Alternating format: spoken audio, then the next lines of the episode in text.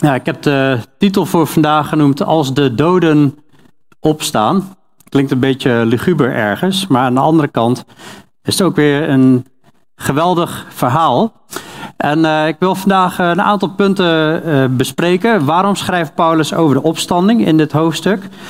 Um, waar zijn de doden nu? Ik wil het hebben over het opstandingslichaam. Um, over overwinning, over de dood en zonde. Daar spreekt Paulus ook over. En wat kunnen we hier nou mee in de praktijk met dit verhaal? En uh, ja, recentelijk was ik eigenlijk weer. Uh, ik heb hier al een keer eerder over gepreekt, over uh, 1 Korinthe 15. En we gaan het vooral over het tweede deel hebben, vanaf vers 35. We hebben een keer. Uh, zijn we eigenlijk door heel. de hele Korinthebrief gegaan, door 1 Korinthe. En. maar op een of andere manier. heb ik hem nu toch weer anders beleefd, anders uh, gezien. Omdat ja, in de tussentijd uh, ben ik mijn, uh, is de vader van Rebecca en Jeremy overleden. En ja, dan wordt het zo realistisch. Om, omdat je gewoon de dood van heel dichtbij hebt gezien. En het is voor de mens gesteld eenmaal te sterven en daarna volgt het oordeel.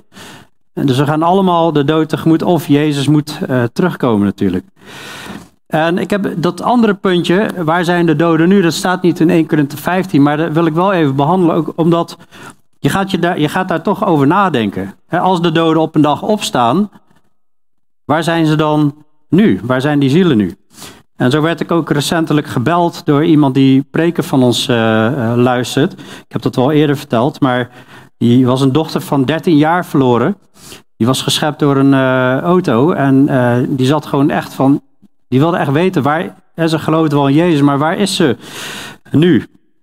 En daar houden mensen zich mee, uh, toch wel mee bezig, dus dat wil ik er ook, ook uh, bijvoegen. Maar in ieder geval, eerst even, waarom schrijft Paulus over de opstanding? Nou, er was in die tijd, in, de, in Korinthe, dat is een stad in, in het zuiden van Griekenland, was er een, een, een dwaalleer. Er was een dwaalleer dat Nee, er is helemaal geen opstanding van de doden. Nou, dat was niet een nieuwe gedachte of zo, want de Sadduceeën die geloofden dat ook. Je had Fariseeën en Sadduceeën. Sadduceeën geloofden niet dat er opstanding was. Nou, Jezus heeft dat allemaal weerlegd. Daar sla ik nu heel even over. Maar dan begint Paulus in 1 Korinthe 15.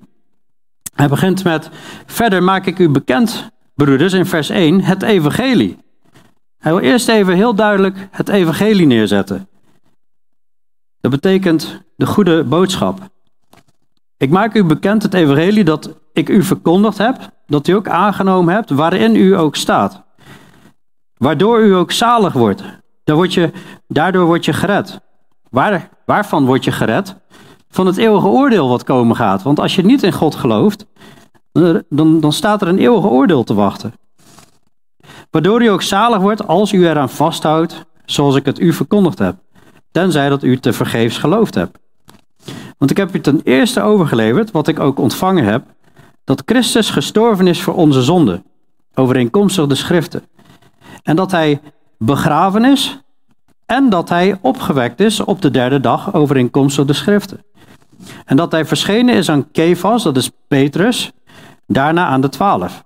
Daarna is hij verschenen aan meer dan 500 broeders tegelijk van wie de meeste nu nog in leven zijn, maar sommigen ook zijn ontslapen. Dus wanneer Paulus het evangelie vertelt, dan is dat niet alleen maar, ja, we leven in zonde, Jezus voor je zonde gestorven en daardoor word je gered. Nee, onderdeel van het evangelie, ja, Jezus is gestorven voor de zonde, maar hij is begraven en hij is opgewekt op de derde dag overeenkomstig de schriften. Dus als we de opstanding weglaten van als er geen opstanding van de doden zou zijn en we laten dat stukje weg, dan gaat hij eigenlijk verder, maar dat, ja, dat, kan ik nu niet allemaal behandelen, gaat hij eigenlijk verder uitleggen. Als, als Jezus niet is opgestaan uit de dood, hè, dan is er dus ook geen opstanding. Of andersom, hè, als er geen opstanding is, dan is Jezus ook niet opgestaan uit de dood. En als dat waar is, dan zijn we nog steeds in onze zonde. En als dat waar is, dan zijn wij als christenen de meest beklagenswaardige mensen van allemaal. Dan zijn wij even in het Brabants de grootste stumpers van alle mensen. Want dan zegt hij eigenlijk, ja, weet je, you only live once. Dat zegt hij op een gegeven moment, ja, laat, in, in vers 32, laten we dan maar eten en drinken, want morgen sterven wij. Leven dan op los. Dan, dan zijn we echt dwaas dat we heilig willen leven. Dat we voor God willen leven. Dat we niet meer in de zonde willen leven. Als er geen opstanding zou zijn. Dus de opstanding is het fundament van het christelijke geloof. Dat is, echt, dat is echt het fundament. Als iemand komt aan de opstanding, dan kom je aan het fundament van het christelijk geloof. En Paulus zegt ook nog van, weet je, als hier iemand aan twijfelt, in die tijd kon dat nog, ga naar Jeruzalem. Er zijn 500 mensen die hebben hem gezien. Gaat navragen. Er zijn heel veel verslaggevers. Nou, sommigen waren al wel gestorven, maar er waren genoeg die rondliepen. Misschien liep die Romeinse soldaat nog wel rond. Die hem had laten kruisigen en die zei: Dit was werkelijk de zoon van God. Want wat zag hij allemaal? Midden op de dag, tussen 12 en 3 werd het duisternis, midden op de dag. Hij was overigens niet de enige die het geloofde, de andere soldaten ook. En er was een aardbeving. En het voorhang in de tempel scheurde. En er zijn graven opengegaan. En mensen zijn opgestaan, mensen zijn opgestaan uit die graven nadat Jezus was opgestaan. Dus Paulus zegt, ga daar maar naartoe. En wij hebben nu heel veel getuigen die dit allemaal voor ons gedocumenteerd hebben in 27 boeken in het Nieuwe Testament. Maar goed, dit evangelie is super belangrijk om te geloven. Geloof je dit niet, dan rust er een eeuwige poel van vuur. Dat is de boodschap van de Bijbel. Maar Jezus wil niet, God wil niet dat we daar terechtkomen. Dus daarom is Jezus gekomen om te sterven voor de zonde. Is begraven, is opgestaan om de dood te overwinnen. En dat is de goede boodschap. Maar er was dus een redenatie in die, in die tijd. En uh, nou, begin ik in, in vers 35. Uh, sorry, dat ga ik zo doen. Ik had beloofd, ik ga eerst vertellen waar zijn de doden nu. Dus daar, ga ik, uh, dan kom ik zo op vers 35. Um, toen Jezus stierf aan het uh, kruis, toen was er een gesprek met een van die uh, misdadigers naast hem. En een van die misdadigers die geloofde dat Jezus daar onrechtvaardig ging, omdat hij rechtvaardig was. En hij geloofde dat hij en die andere man naast hem rechtvaardig daar hingen, omdat zij onrechtvaardig waren. En hij vroeg, hij zei tegen Jezus, Heere, denk aan mij als u in uw koninkrijk gekomen bent. En Jezus zei tegen hem, voorwaar, ik zeg u, vandaag zult u met mij in het paradijs zijn. Dus Jezus zegt heel duidelijk dat die man vandaag met hem in het paradijs zal zijn. Dus ik geloof dat de, de doden, wanneer ze sterven, dat ze naar het paradijs gaan. Er is nog een ander verhaal van een, uh, een, van een bedelaar, Lazarus heet hij, en een, en een rijke man. En daar uh, kom ik zo nog, ook nog even op terug. Maar daar zien we ook dat op het moment dat die bedelaar sterft, het gebeurde nu dat de bedelaar stierf uh, en door de engelen in de schoot van Abraham gedragen werd. Dus we zien op het moment dat iemand sterft, dan komen er eigenlijk engelen en die komen de ziel dus eigenlijk brengen naar het paradijs. De schoot van Abraham. Abraham staat voor ja, de vader van het geloof, de vader van Israël. Dat symboliseert eigenlijk Israël. Dus hij werd eigenlijk gedragen in het midden van de gelovigen. Dus op het moment dat iemand sterft, de ziel verlaat het lichaam, dan wordt, uh, geloof ik, je gedragen door engelen, wanneer je in Christus bent, naar het paradijs. En ik geloof dat Lucas 16, dat laat het verhaal zien, dus van die, die rijke man en die bedelaar. En uit het verhaal staat er niet, maar dan kun je opmaken dat die arme man, die Lazarus, dat die in God geloofde en die rijke man niet. En dan zie je dus dat ze in het uh, dodenrijk zijn. En aan de ene kant, dan zie je dus die plaats waar Abraham is, het paradijs. En aan de andere kant is de plaats van pijniging. En er bevindt zich een grote kloof tussen. En dat is heel bizar, want ze kunnen gewoon praten met elkaar. Want die, nou, hij was niet meer, ik wou zeggen die rijke man, maar op dat moment was hij niet meer rijk. Die bevond zich in het vuur. Hij zei, ik, ik leid vreselijk pijn en vraagt aan Abraham of, of, of Lazarus zijn vinger in het, vuur, in, eh, in het water kan dopen en zijn tong kan verkoelen. Nou, en ik geloof dat dit het dodenrijk heet. En dat zie je ook op een gegeven moment op het eind in openbaring 20. Dan wordt de dood en het rijk van de dood, na het grote oordeel, worden geworpen in de poel van vuur. En iedereen wiens naam niet geschreven was in het boek des levens. Ik geloof wel dat gelovigen dan inmiddels opgestaan zijn in hun nieuwe lichaam. En dat dat, uh, daar gaan we het uh, vandaag over hebben, over die, die opstanding in dat nieuwe lichaam. Um, en die wonen dan in het huis van de Vader. Jezus heeft gezegd: Ik ga heen, ik ga een plaats bereiden. Johannes 14, als ik heen ga en ik heb die plaats bereid, dat, in dat vaderhuis, dan kom ik weer en zal jullie tot mij nemen, zodat jullie ook zullen zijn waar ik ben. En dus ik geloof dat ja, de gelovigen uit die plaats weggenomen worden. Dan gaan we naar het vaderhuis. Maar de, de ongelovigen komen op een dag voor de troon van God. Dat staat in openbaring 20. En staat je naam niet in het boek des levens, werd die persoon geworpen in de pool van vuur.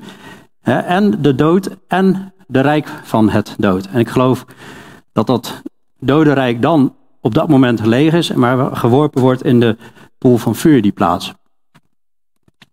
En je ziet ook in Openbaring 1, vers 18 dat Jezus zegt: Ik ben de eerste en de laatste en de levende. En ik ben dood geweest en zie, ik ben levend tot in alle eeuwigheid. Amen. Ik heb de sleutels van het rijk van de dood en van de dood zelf. Dus Jezus heeft de sleutels, hij bepaalt wanneer iemand sterft en hij heeft de sleutels van het rijk van de dood. Ook daar heeft hij de macht over. En dan zie je dat onderscheid tussen de dood en, de rij, en het rijk van de dood.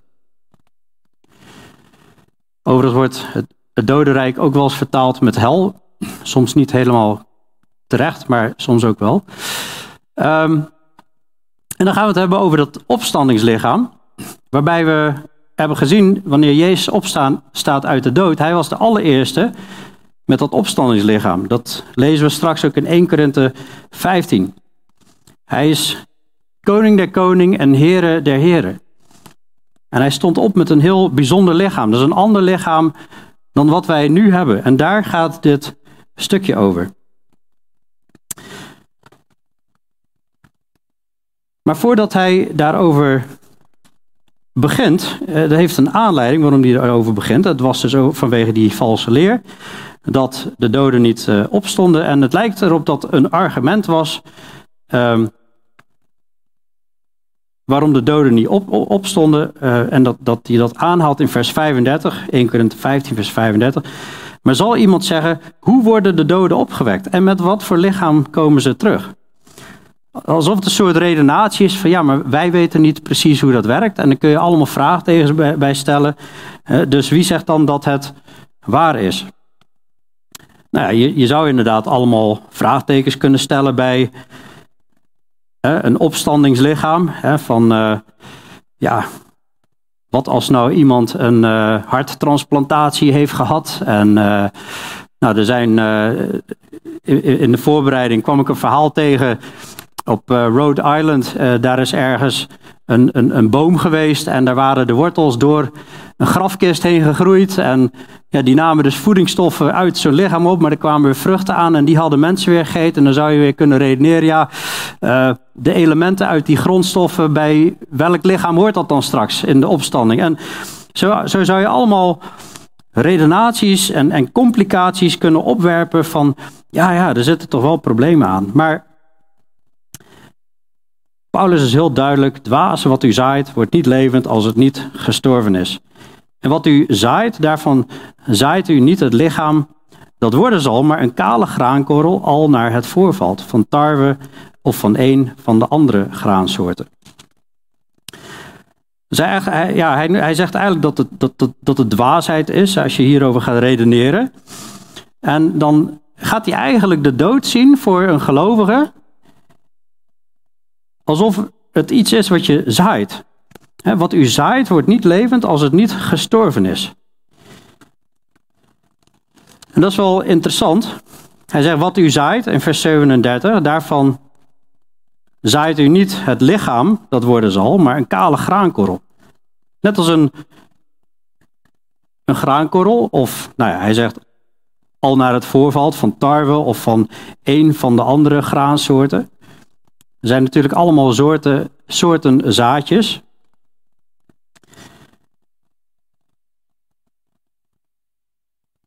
Je zaait niet een, een, een lichaam. Je gaat, als, jij, als jij gaat zaaien, ga je niet een hele plant of een hele boom begraven in de grond, maar een zaadje.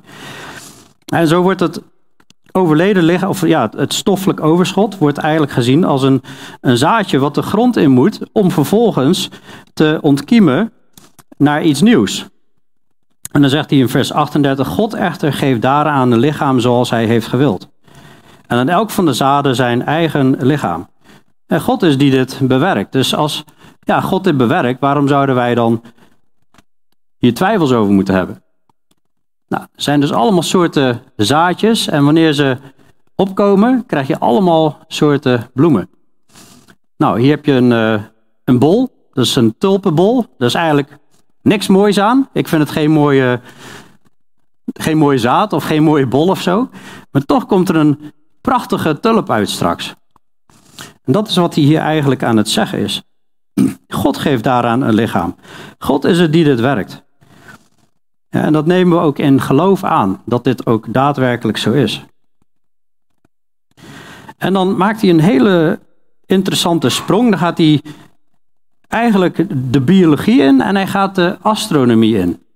Dus hij gaat naar de natuur en hij gaat eigenlijk naar het heelal. En dan zegt hij in vers 8, 39: alle vlees is niet hetzelfde vlees, want het vlees van mensen is verschillend en het vlees van dieren is verschillend en dat van vissen is verschillend en dat van vogels is verschillend. En er zijn hemelse lichamen en er zijn aardse lichamen. Maar de heerlijkheid van de hemelse is verschillend en die van de aardse is verschillend. De glans van de zon is verschillend en de glans van de maan is verschillend. En de glans van de sterren is verschillend, want de ene ster verschilt in glans van de andere ster. Nou, het is geweldig om over de natuur te hebben en, en dat er allemaal verschillende soorten vlees uh, zijn en, en verschillende hemellichamen. Vorige week hebben we het ook over de schepping gehad, maar waarom begint hij hier in één keer over? Dat vind ik dan altijd wel weer een interessante vraag. Nou, ik geloof persoonlijk dat hij hierover begint. Ik heb hier een plaatje met, nou, hij noemt de planeten en de sterren. In ieder geval noemt hij even verschillende lichamen. En de een die schittert nog harder dan de ander. Er is verschil in glans en dat soort dingen. Je hebt verschillende soorten mensen, maar tussen mens en dier heb je ook weer verschillend soort vlees. En tussen de, uh, de dieren op het land en de vissen en de vogels is ook weer verschillend vlees, zegt hij. En ik geloof dat hij dit zegt om, om, ons te laten zien en net als vorige week hebben gekeken, ja, kijk eens naar de schepping, daar haal je allemaal lessen uit. Ik geloof dat hij dit zegt om te laten zien van ja, als je hier voor je ogen al zoveel verschillende soorten creaties ziet, denk je nou echt dat het een probleem is voor God om straks een nieuw lichaam te geven? En dat in een vingerknip? Hij zegt in vers 42, zo zal ook de opstanding van de doden zijn. Het lichaam wordt gezaaid in vergankelijkheid en het wordt opgewekt in onvergankelijkheid. er is verschil in lichamen. Hij heeft ook gezegd, nou, het ene schittert meer dan de andere. Als je het hebt over de sterren bijvoorbeeld. En de maan, ja, die schittert niet van zichzelf. Maar hij zegt eigenlijk, zo zal de opstanding van de doden zijn. Het lichaam wordt gezaaid in... En hij gaat nou drie verschillende dingen noemen met de tegenpol ervan. Het lichaam wordt gezaaid in vergankelijkheid. Het wordt gezaaid in een staat die zal vergaan. Die staat is bij mij overigens ook al begonnen. En uh, nou, ik heb nog allemaal cellen die proberen dat wat tegen te werken. Daar ben ik heel blij om, anders zou ik echt helemaal niet meer uitzien. Maar, maar ja, zo op afstand valt het misschien nog mee. Maar als ik in de spiegel kijk, dan uh, Soms draai ik me over en dan blijft mijn nek zo wel uh, staan, zeg maar. Maar goed, uh, het mag duidelijk zijn, we worden allemaal ouder en we zijn aan het vergaan. Maar op het moment dat je in de grond ligt, dan gaat het heel hard. Dan gaat je lichaam ook niet meer proberen dat tegen te werken. Maar we worden opgewekt in onvergankelijkheid. Op het moment dat we opstaan, wanneer jij in Christus gestorven bent, Dan sta je op en dan kan je niet meer vergaan. Dan sta je op met een lichaam wat niet meer zal kunnen vergaan. Nou, daar word ik wel echt heel erg blij van. En ik denk naarmate je ouder wordt dat je alleen nog maar meer blij wordt. Maar goed, dan kun je na afloop aan oudere mensen vragen. of dat zo is. Is niet persoonlijk bedoeld hoor. Het wordt gezaaid in oneer en het wordt opgewekt in heerlijkheid.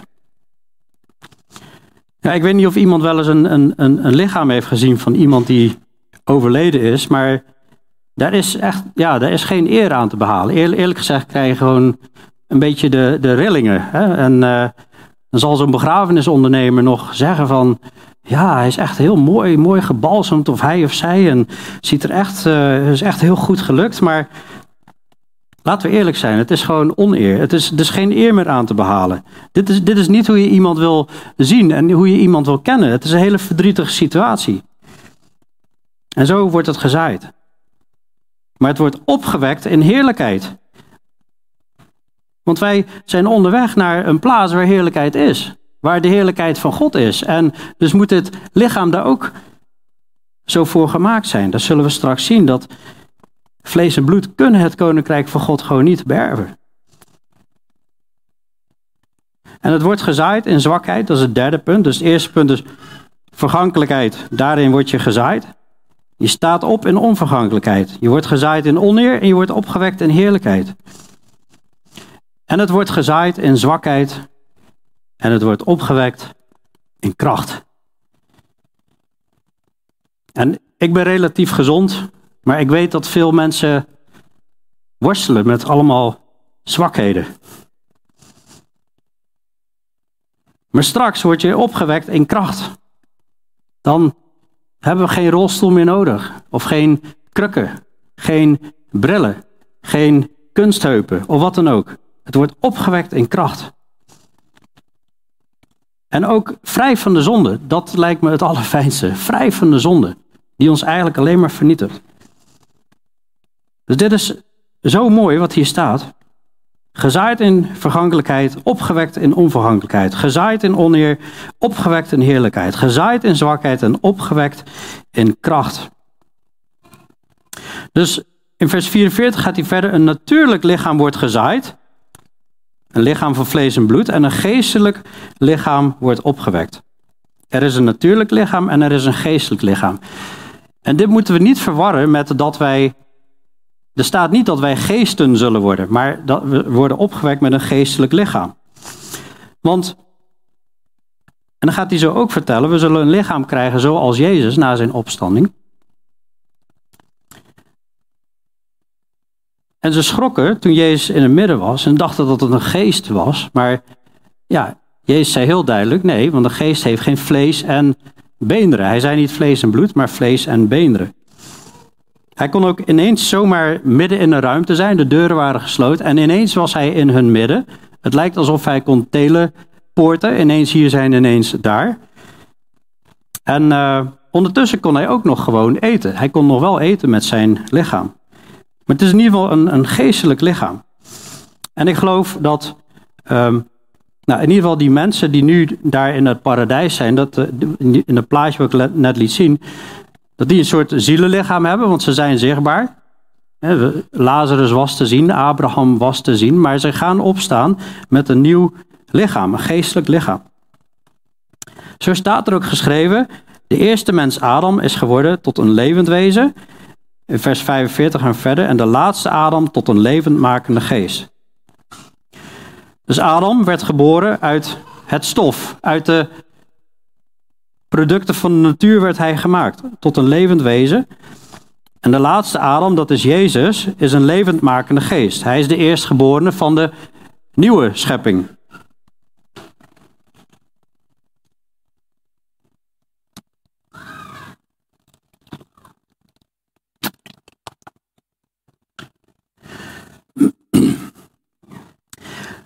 Nou, toen toen Adam van die boom, eet, eh, at samen met Eva, God had gezegd, op de dag dat je daarvan eet, zul je sterven. Nou, toen Adam daarvan at, toen stierf hij niet meteen, hij stierf veel later, maar geestelijk stierf hij wel. Zijn geest werd eigenlijk afgesneden van de communicatie met God. En dan komt Jezus, hij is tot, de laatste adem is geworden tot een levendmakende geest.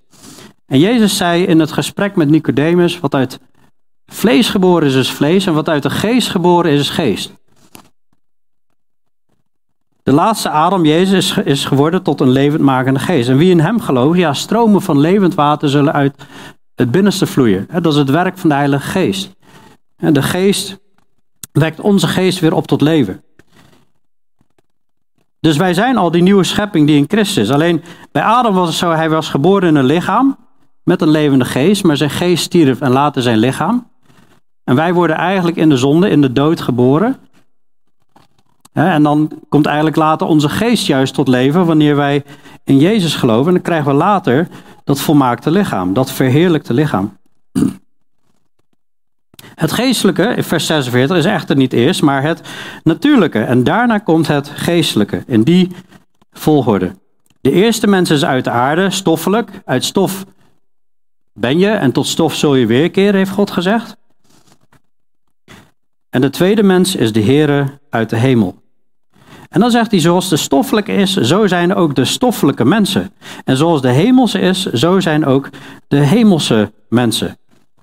En zoals wij het beeld van de stoffelijke gedragen hebben, van Adam, zo zullen wij ook het beeld van de hemelse dragen. Dus we hebben een lichaam, net als Adam. Maar straks dat nieuwe lichaam zal zijn net als Jezus. Dat is eigenlijk de boodschap die hier staat. Maar dat is natuurlijk, hè, zo zullen wij, wij, dat zijn wel degenen die hun vertrouwen hebben gesteld in de Heer Jezus. En zich ook daadwerkelijk bekeerd hebben. Dus ik vind dat een prachtig hoofdstuk om te weten, God wil dat wij gedetailleerd weten hoe we straks op gaan staan, hoe we straks een nieuw lichaam krijgen. En dat we ook niet, ja, we rouwen wel als we mensen missen, maar het is ook een troost te weten van, eigenlijk zaaien we een soort zaadje om straks bij de opstanding te laten ontkiemen. Maar we moeten wel eerst opnieuw geboren worden. Van die oude Adam naar die nieuwe Adam, dat is Christus. Als je niet opnieuw geboren wordt, kun je het koninkrijk van God niet zien, heeft Jezus gezegd, en je kunt het ook niet binnengaan. En dan komen we dus eigenlijk bij het volgende stuk.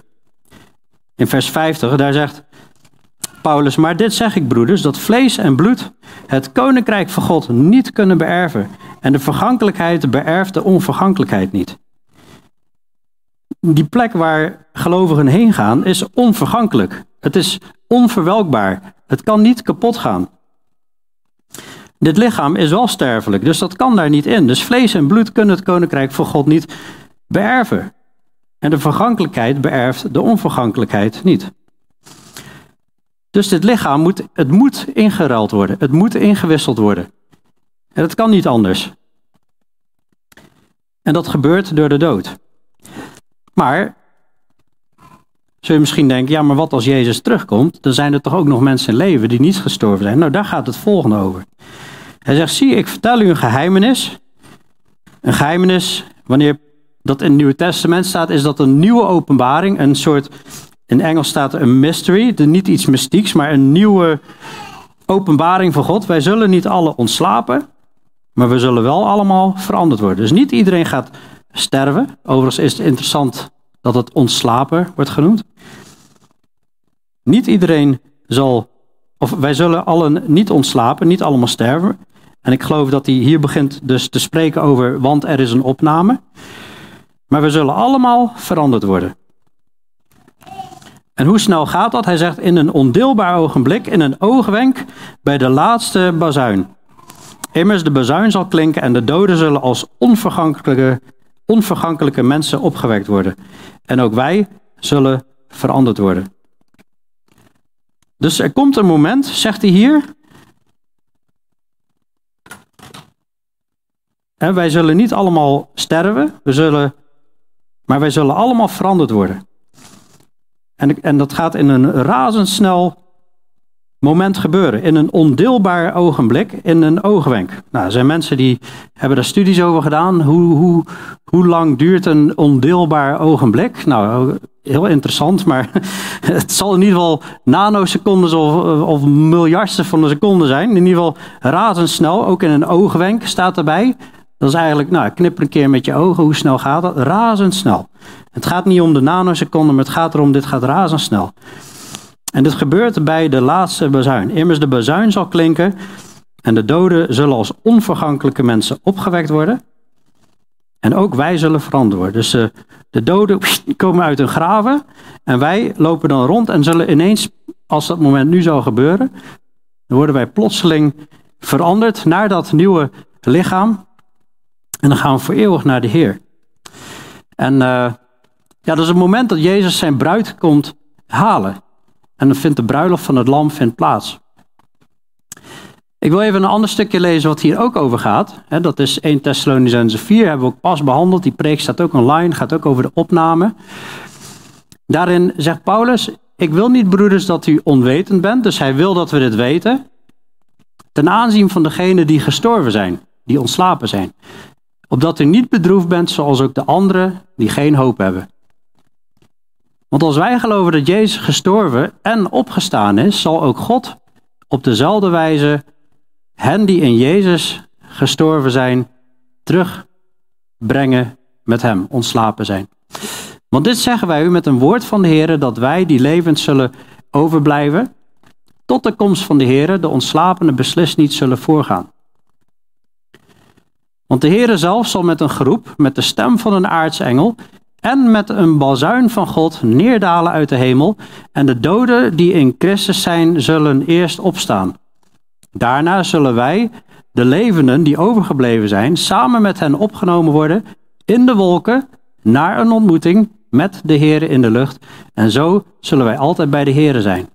Zo dan troost elkaar met deze woorden.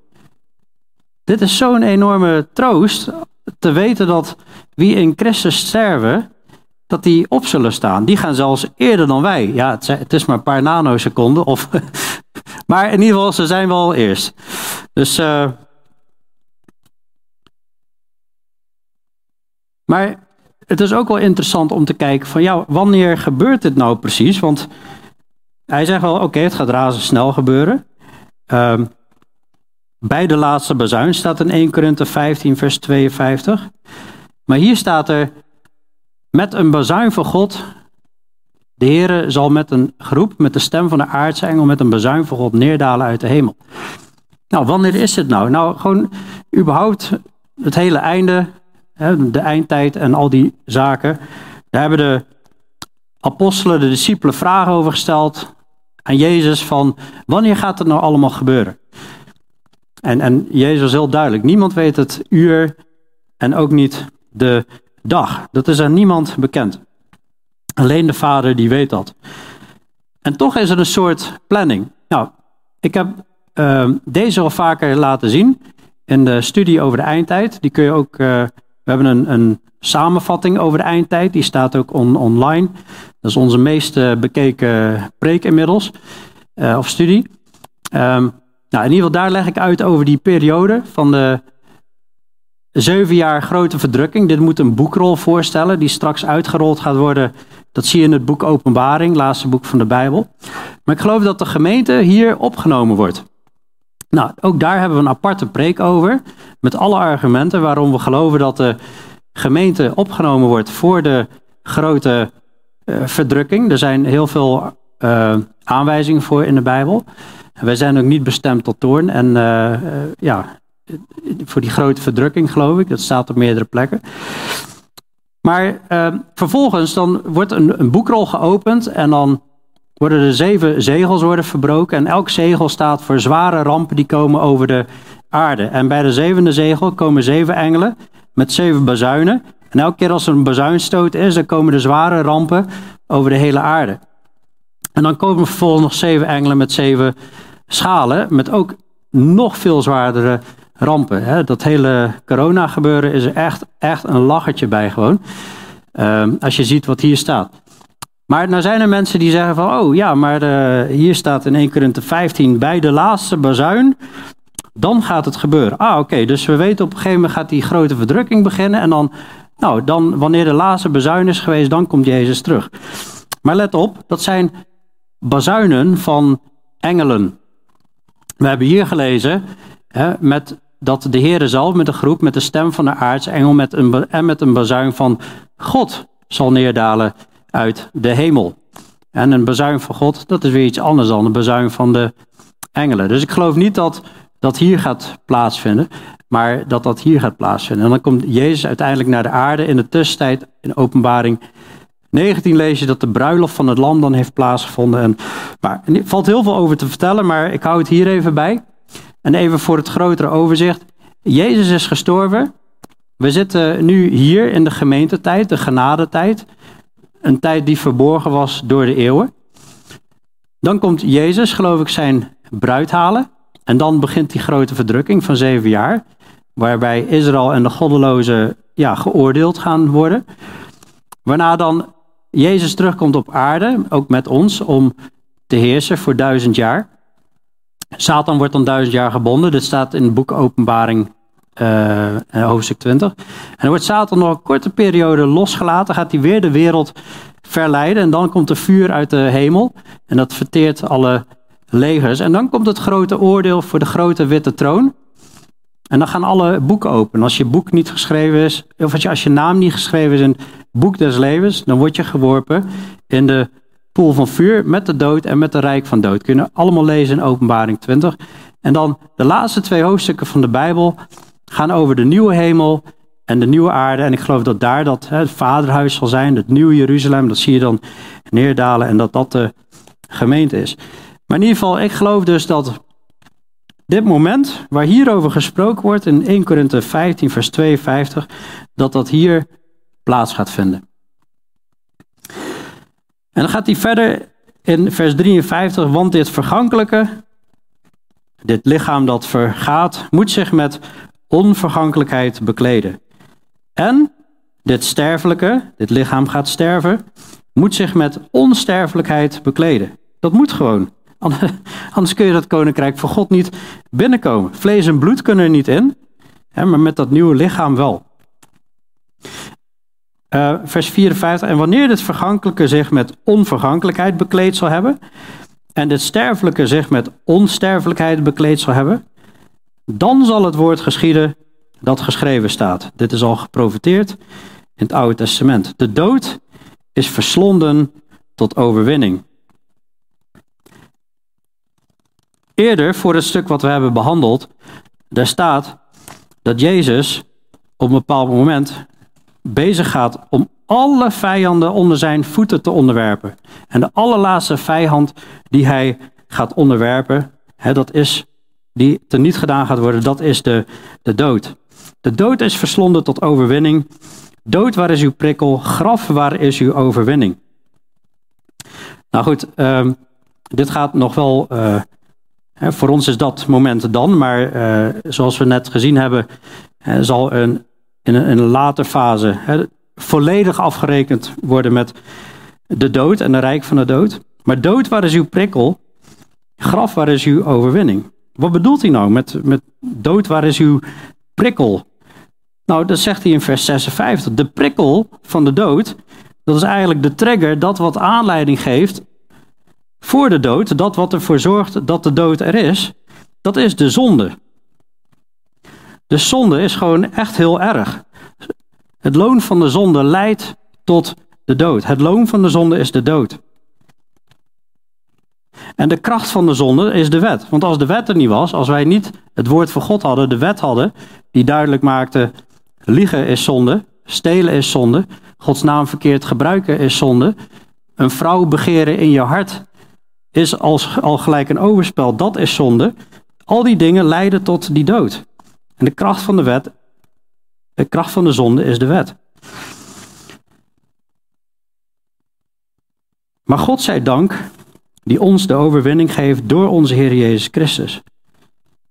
God zij dank dat Jezus is gekomen. God zij dank dat Jezus is gekomen en gestorven is voor onze zonde. Dat Jezus is gekomen en de dood heeft overwonnen. Dat hij opgestaan is uit de dood.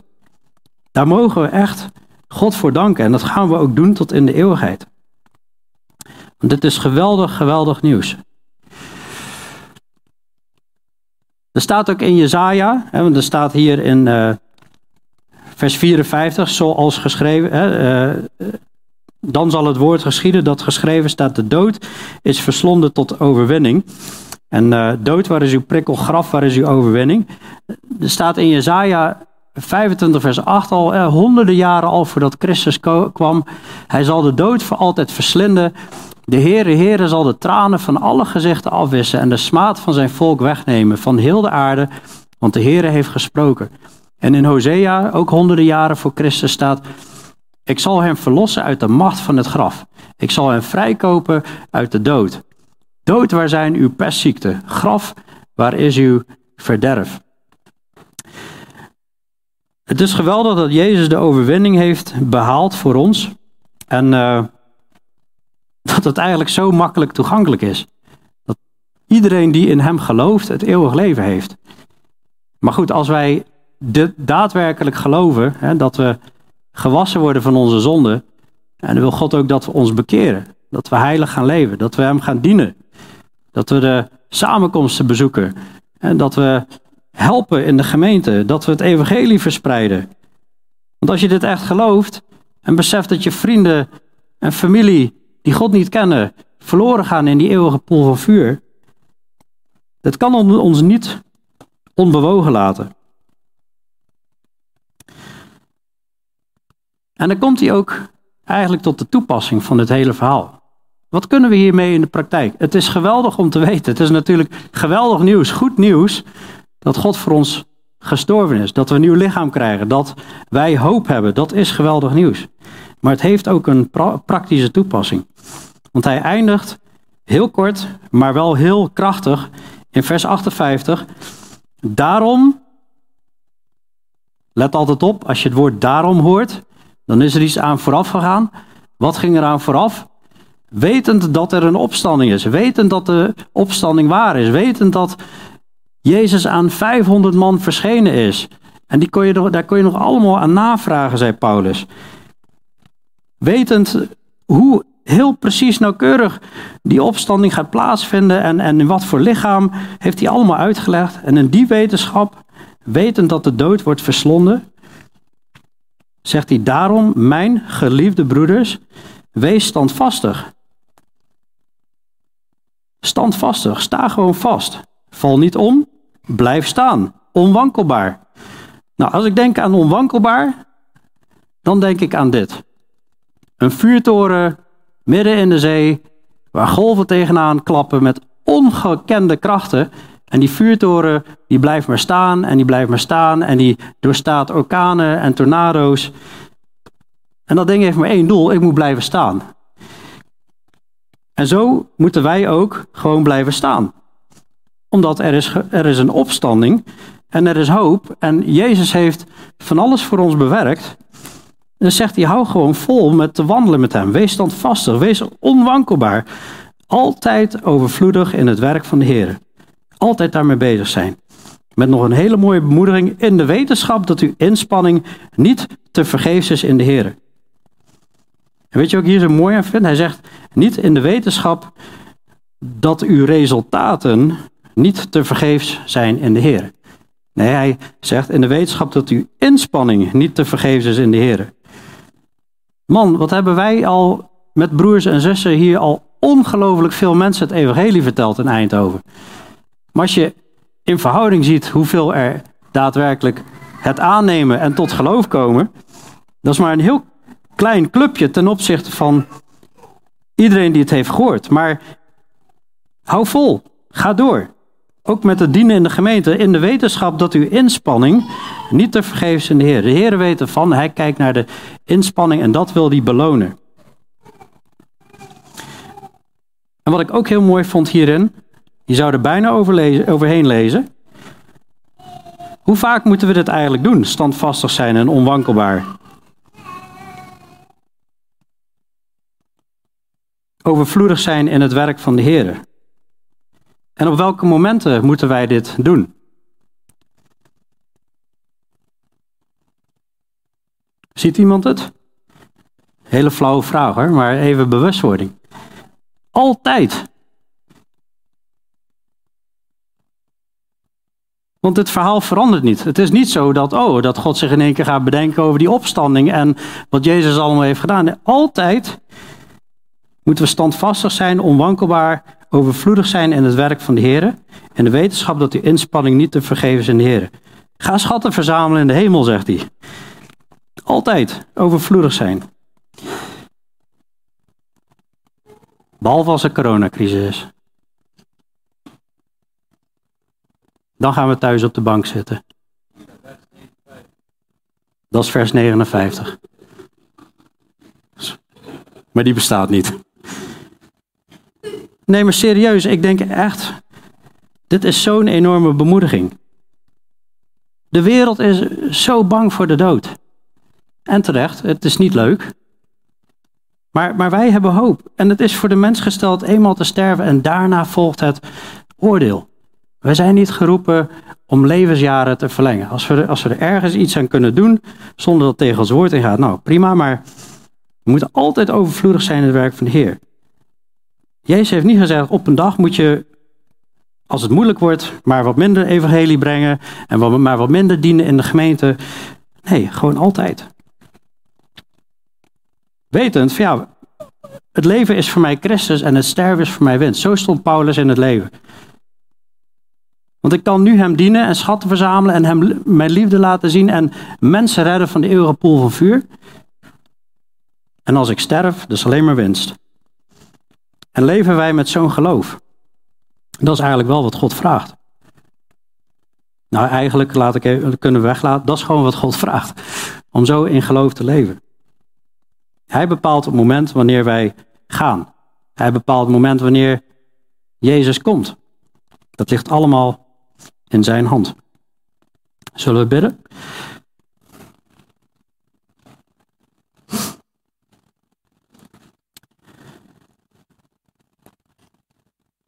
Ja, Hemels Vader, Heer Jezus, wat een geweldig nieuws. Wat een goede boodschap, Heer, dat u, Heer Jezus, gestorven bent voor onze zonde. En wat waren de discipelen verdrietig op dat moment? Zo bedroefd. Dat degene van wie ze dachten dat hij de Messias was, dat hij gestorven was. Ook al had u het heel vaak gezegd dat u zou opstaan, maar ze waren het compleet vergeten. Overweldigd door verdriet. Heer, maar dank u wel dat u na drie dagen bent opgestaan uit de dood. En zo krachtig de dood heeft overwonnen. En zo krachtig bewijs heeft, eh, heeft geleverd door aan zoveel mensen te verschijnen. Op verschillende momenten ook nog. Dat u zo krachtig liet zien dat u de zoon van God was. Dat zelfs die Romeinse soldaat het geloofde. Toen hij al die wonderen zag rondom de kruisiging. Heer, dank u voor dit evangelie, de boodschap, wat staat als een huis. Heer, en schenk ons allemaal dat geloof en het vertrouwen. Als het misschien iemand in de zaal is die nog niet het evangelie gelooft. Oh, alstublieft, Heer, wilt u geven. Dat, dat iedereen vandaag dit verhaal mag geloven. Voordat het te laat is.